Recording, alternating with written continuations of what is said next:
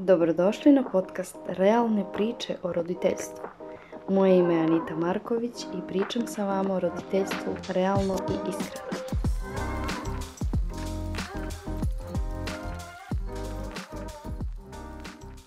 U današnjoj epizodi pričamo o kontroli. Ideju za ovu epizodu dobila sam nakon poslednjeg e, Zoom poziva koji sam imala sa mamama koje su na mom programu od nespavača do spavalice – Jedna mama je opisala kako izgledalo uspavljivanje njene čerke u poslednjih nekoliko meseci.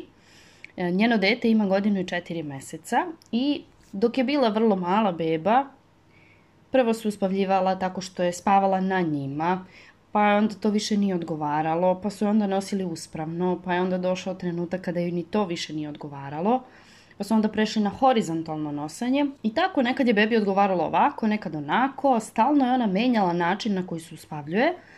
I roditelji su se tome prilagođavali. I kako je ta mama rekla, sve, sve trajalo neko vreme, ali onda dođe haos, jer njoj to očigledno više ne odgovara, pa se onda buni, vrišti, plače, opire se, otima se, izvija se, hoće nešto drugo. I stalno su imali te periode kada bi kao sve bilo ok, ona se uspavljuje na jedan način, pa onda je to više nije odgovaralo i onda traži drugi način. I oni su se stalno prilagođavali tome, išli onako kako je dete diktiralo. I kada je mama završila svoju priču, ona je sama došla do uvida da je ona prepustila detetu da ima kontrolu nad time kako će se uh, ona uspavljivati, na koji način, kako će sve to izgledati i kako će se ona ponašati prilikom uspavljivanja. Shvatila je da je ona pogrešila u tome što je da, dala potpunu kontrolu detetu.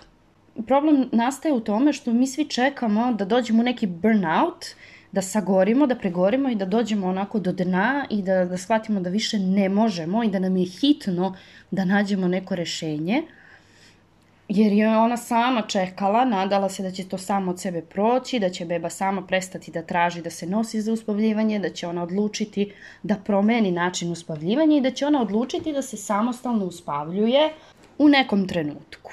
Šteta je što čekamo da toliko dođemo do dna da bismo onda tražili neku brzu metodu, jer nam je neophodno da se brzo izvučemo iz toga zato što smo došli do kraja, do tačke pucanja. Ali sada ćemo se vratiti na ovo, e, ovaj trenutak kada, kako je ova mama rekla, čekamo da bude bolje, da se samo od sebe nešto reši, da onako prosto, da se desi neko čudo.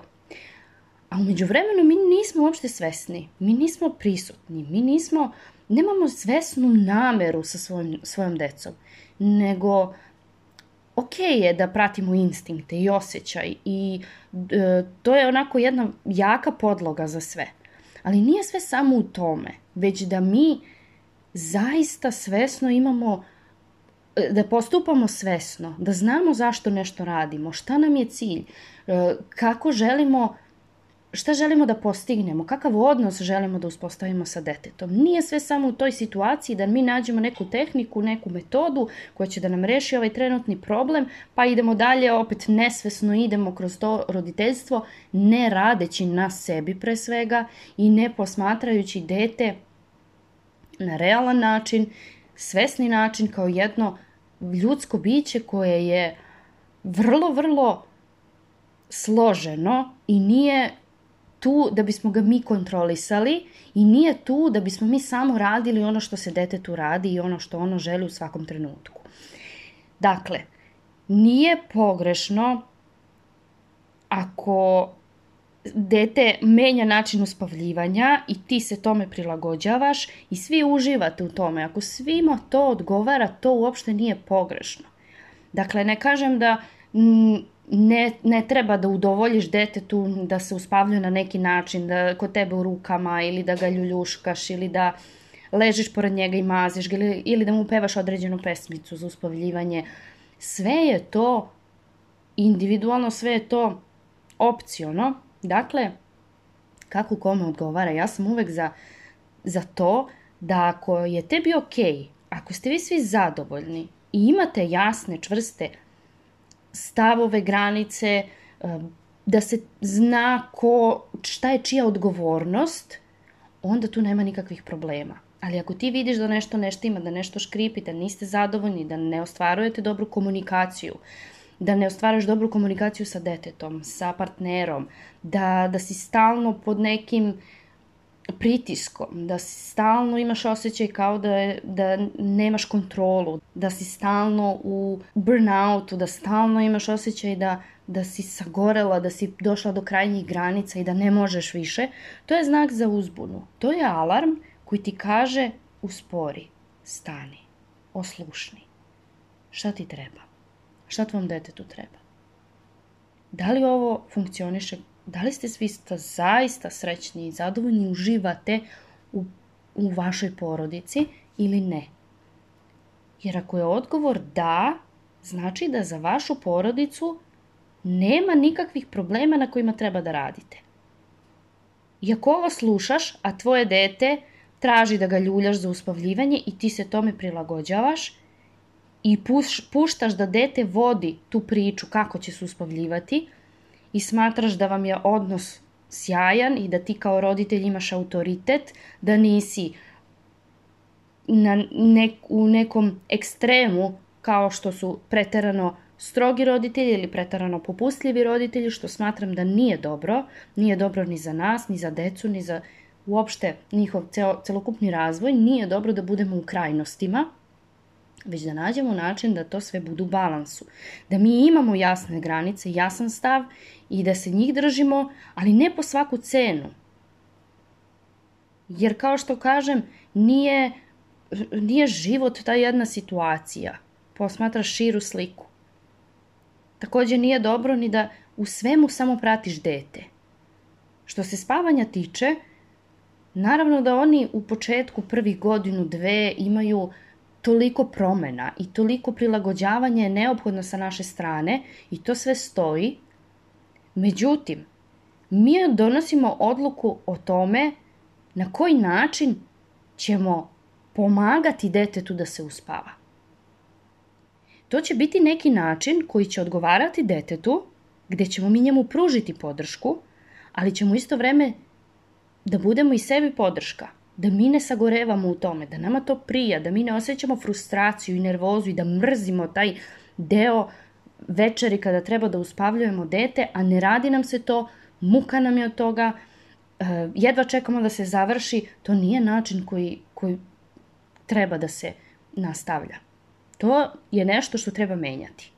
Zašto bismo iz te energije mi taj kraj dana sa detetom provodili u besu, ljutnji, nezadovoljstvu, ogorčenosti i da sve te emocije prenosimo na dete.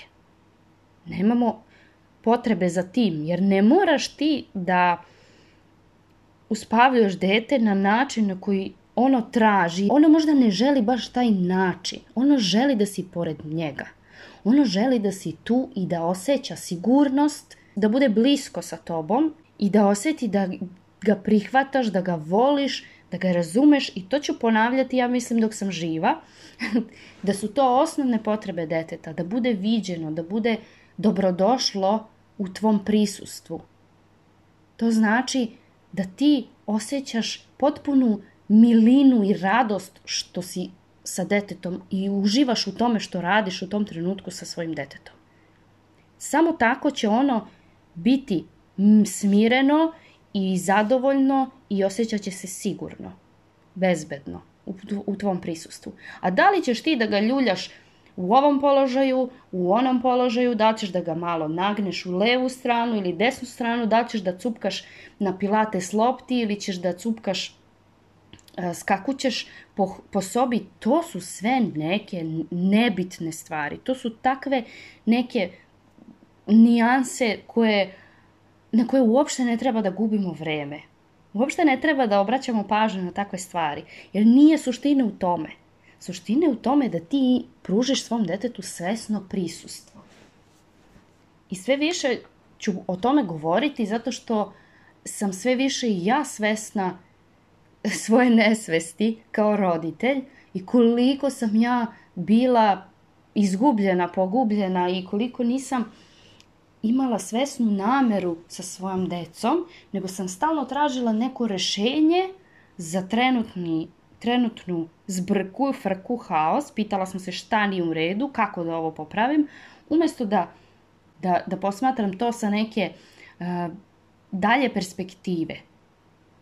Da ne gledam to samo kao ovaj trenutak sada, nego da li je ovo u skladu sa roditeljem kakav, kakav ja želim da budem, da li je ovo u skladu sa mojom namerom i ciljevima koje imam u vaspitanju svog deteta, da li je ovo u skladu sa mnom kao s ličnošću, da li je ovo u skladu sa mojim detetom, sa njegovim razvojnim mogućnostima, sposobnostima, potrebama, jer ako nije, to je onda znak da treba na tome raditi i to menjati širu tu perspektivu. Zašto dolazi do ovoga kada e, kod uspavljivanja, na primer, mi prepustimo detetu potpunu kontrolu i onda dođemo u problem kada dete malo poraste i onda dođe, na primer, dve godine, tri godine, gde i dalje moramo da ga moramo, pod navodnicima, da ga ljuljamo da bi se uspavalo, ali onda dođemo u, u situaciju da to više ne odgovara, a dete ne zna da se uspava samo kada ga stavimo da spava u krevet, a recimo ima već dve godine, tri, kada je to sasvim realno očekivati od deteta da, da može da se uspavlja bez ikakvog ljuljuškanja, osim ako naravno ne postoje neke senzorne potrebe koje treba zadovoljiti, ali to je već druga stvar. Dakle, dođemo u takvi, takvu situaciju i onda ne možemo da nađemo izlaz, zato što nam nije jasno gde smo pogrešili ako smo mi pratili i slušali dete, a ovo se ne rešava samo od sebe, kada će se rešiti, kada će ono početi da spava bez moje pomoći, kada će moći da se uspava, da ne moram da ga držim na rukama, da mu pevam, da mu pričam, da izvodim neke uh, akrobacije da bi ono zaspalo. To se dešava zato što smo vremenom sve više i više prepuštali kontrolu detetu i to se odražava i na druge aspekte. To nije samo spavanje, jer je uglavnom tako da onda dete ima kontrolu nad svim aspektima i onda dođemo u haos gde smo stalno u sukobu sa detetom jer hoćemo da mu udovoljimo, ali vidimo da, da tu nešto ne štima.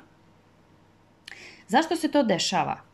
Ono što ja primećujem kod mama sa kojima radim jeste strah od toga da neće zadovoljiti potrebe svog deteta, da će se od dete osjećati odbačeno i neće ostvariti jako sigurnu vezu sa detetom. Smatraju da ako ne prate dete u svemu, to je onda znak da ne poštuju njegove potrebe i da mu ne pružaju ono što mu, što mu treba i da onda neće ostvariti sigurnu privrženost koju svi mi ganjamo, a zapravo ne treba da je ganjamo jer To se ostvaruje tako što mi odgovaramo na potrebe deteta i pružamo mu sigurnu bazu, sigurnu luku, gde će se osjećati prihvaćeno i voljeno i poštovano.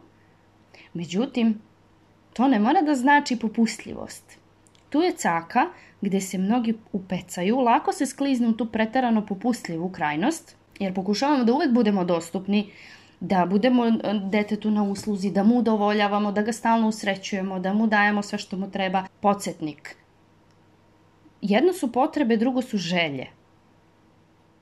Kada te želje prerastu u zahteve, već tu onda dete preuzima kontrolu i mi na kraju završimo tako što ispunjavamo zahteve deteta. Neću ovo, hoću ovo, hoću ovako, neću onako.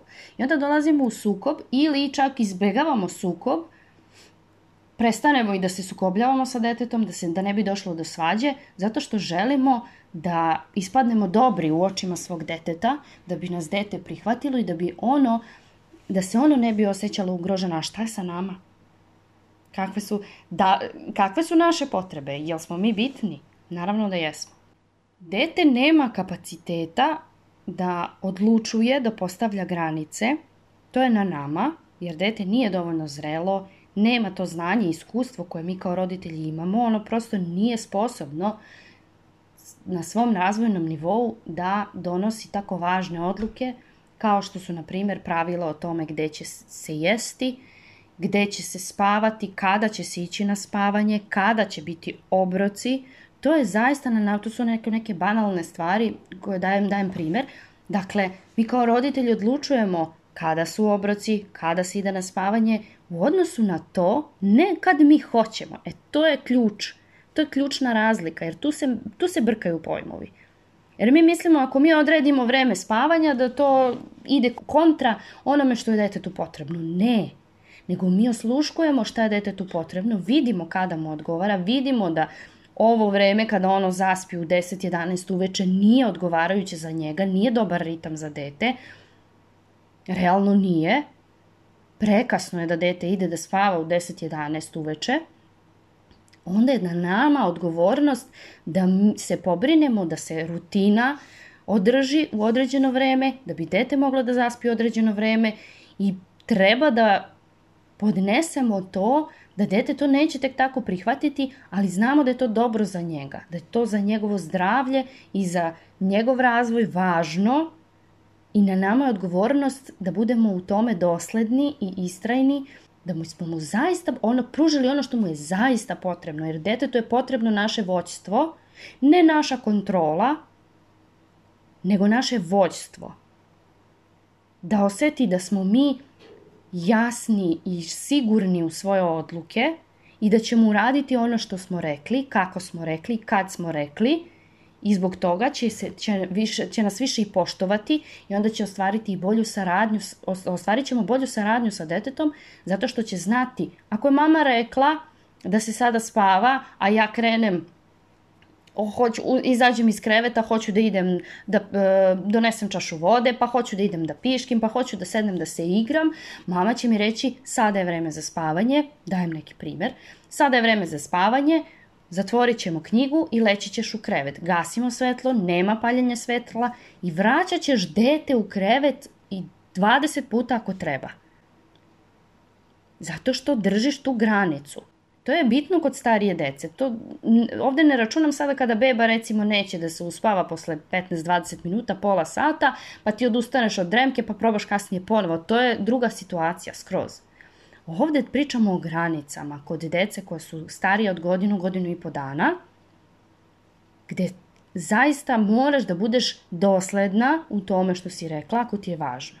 Ako toga nema, onda dete preuzima kontrolu i tu se borite za moć i sve više i više e, se gubite u tome zato što dete je onda u haosu. Detetu nije potrebno i dete nije sposobno da, da odlučuje o svim tim bitnim stvarima kada nema od vas jasne granice, stavove, kada ne zna gde je kraj, kada nema jasne okvire, dete se ne osjeća sigurno. I za kraj bih dala primer kako bi to moglo izgledati kada želite da menjate neku naviku uspavljivanja, na primer, na primer ljuljate dete za uspavljivanje i želite to da menjate.